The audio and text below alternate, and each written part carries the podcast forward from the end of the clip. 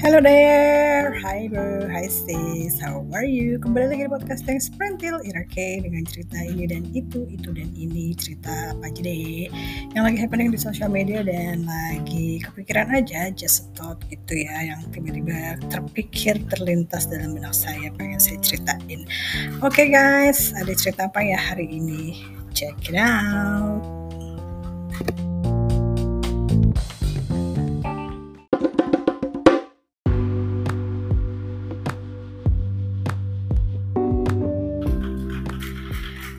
Okay. aduh ceritanya apa ya? Ceritanya sih kayak masih seputar pertemanan gitu ya. Dan soal ini loh, apa ya?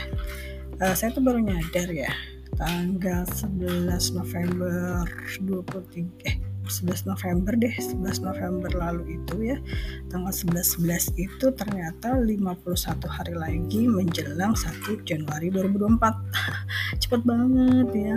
Perasaan sih baru aja kayak tahun baruan ya gitu. Lagi acara biasa deh barbecue barbecuean di rumah gitu ya.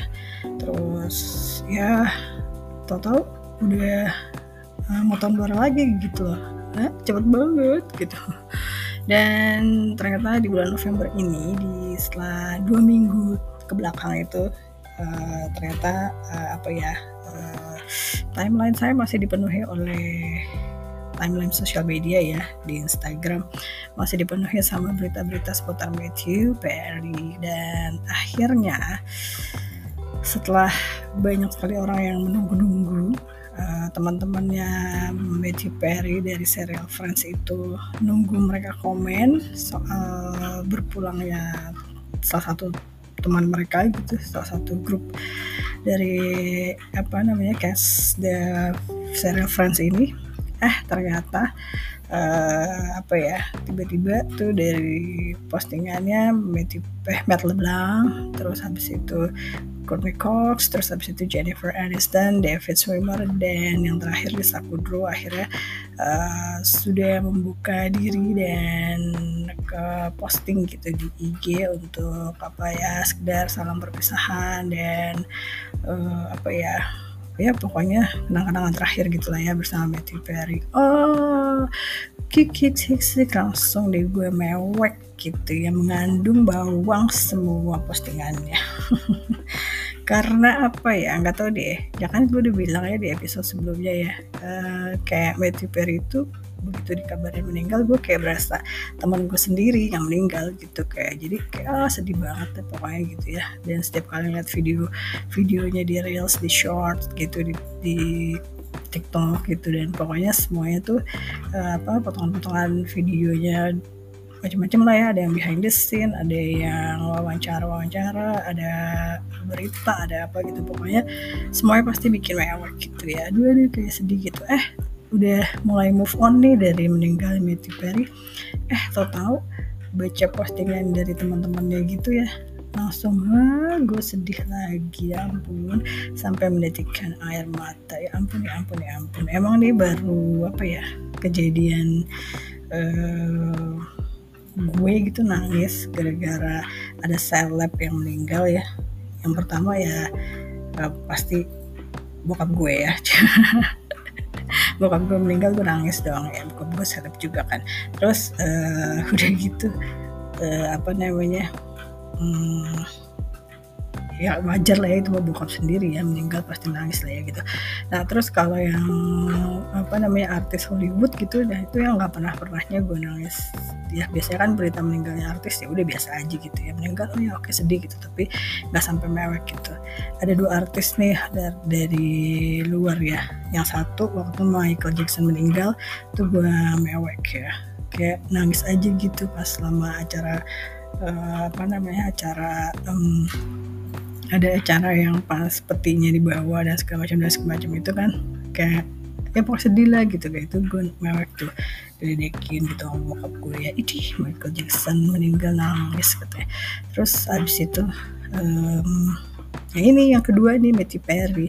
Gitu masih aja gue gitu kayak ah, bersedih hati berduka lara ya pokoknya terus ya udah mau diapain lagi ya udah. Tapi uh, kayaknya memang biasanya sesudah orang yang nggak ada tuh kan baru ketahuan ya gimana dia gitu ya selama hidupnya gitu ya. Dan barulah uh, bertebaran cerita-cerita baik tentang dia dan banyak sekali sebenarnya orang-orang yang sayang atau yang suka atau yang apa memuji si Matthew Perry ini gitu ya betapa baiknya dia dan lucunya gitu. Tapi ya kalau misalnya itu teman kayaknya dia saya sih kayak kayak ya pendapat saya pribadi ya saya kayak ngeliat dia tuh kayak agak kesepian gitu kan hidupnya walaupun kan dengan semua kehidupannya glamor sebagai artis dan seleb gitu di di Amerika ya tapi hmm, itu kan dia memang hitungannya jomblo gitu ya. Nggak punya saat, ini lagi nggak punya pasangan terus nggak ada istri nggak ada anak gitu ya. Tinggalnya cuma sama anjing gitu ya mungkin asisten-asisten gitu. Rumahnya gede banget gitu kan jadi ya ya mungkin sepi lah ya gitu. Kalau temen pasti ada tapi kan nggak bisa nemenin setiap hari juga gitu ya gak sih? Uh, ya gitu deh sedih ya emang ya. Uh, pokoknya. Eh tapi ngomong-ngomong soal jomblo ya. Nah apa hubungannya nih sama 11 11 ternyata ternyata nih saya juga baru tahu ya. Kalau tanggal 11-11 atau 11 November itu adalah merupakan hari jomblo sedunia gitu.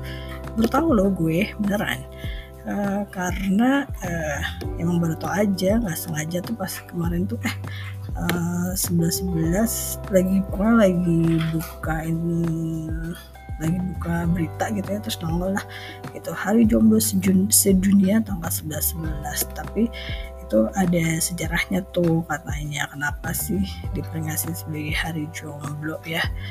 Uh, jadi sebenarnya sih apa ya uh, menurut uh, ceritanya itu pada hari jomblo sedunia itu orang-orang yang single masih lajang itu hmm, bisa melakukan atau merayakan kebebasan mereka uh, melakukan apa pun gitu gitu ya.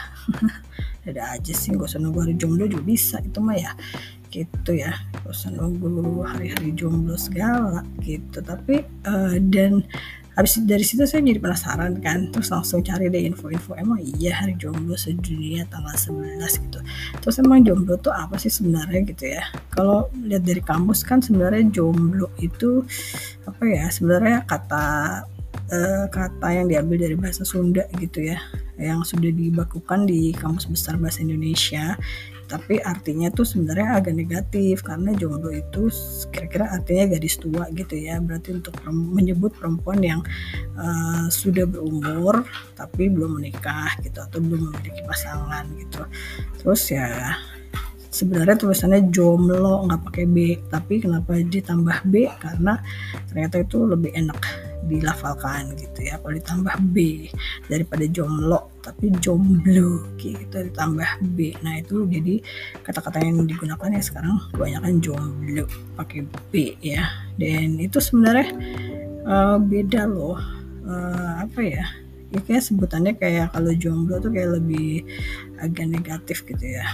Uh, tapi kalau single nah itu kelihatannya kayak lebih positif gitu. Tapi pada sih ya sendiri-sendiri juga ya jomblo single sama aja sih kalau menurut saya ya. Cuma tinggal apa ya um, bahkan banyak komentar ya. Kalau orang single nggak punya pasangan tuh pasti orangnya agak aneh gini gini gitu. Tapi kan itu pendapat umum ya. Uh, kalau secara di dunia nyatanya sih ya terserah orangnya sih dan gimana orangnya juga sih. Nggak selalu semuanya jomblo itu kayak judes atau galak atau rese gitu. Enggak sih. Tergantung aja. Ada kok banyak yang jujur ya. Jomblo-jomblo bahagia. Bener gak di lingkungan terdekat saya sendiri pun juga banyak teman-teman dan keluarga dan adik saya deh adik saya.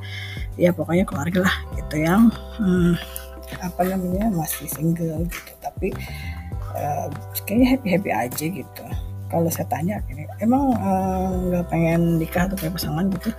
Ya ada yang bilang ya kita ah, salah udah ribet gitu ngapain? Akan juga bebas sendiri gitu. Ada juga yang um, masih belum bisa move on dari pacar lama gitu ya. Terus ada juga yang emang memilih uh, apa memilih untuk menjomblo karena kelihatannya too picky gitu ya jadi kayak terlalu pilih-pilih banget gitu. Dan mungkin ada standar khusus lah ya gitu. Jadi kalau nggak sesuai sama standarnya nggak mau gitu mendingan jomblo aja mendingan sendiri aja gitu kali.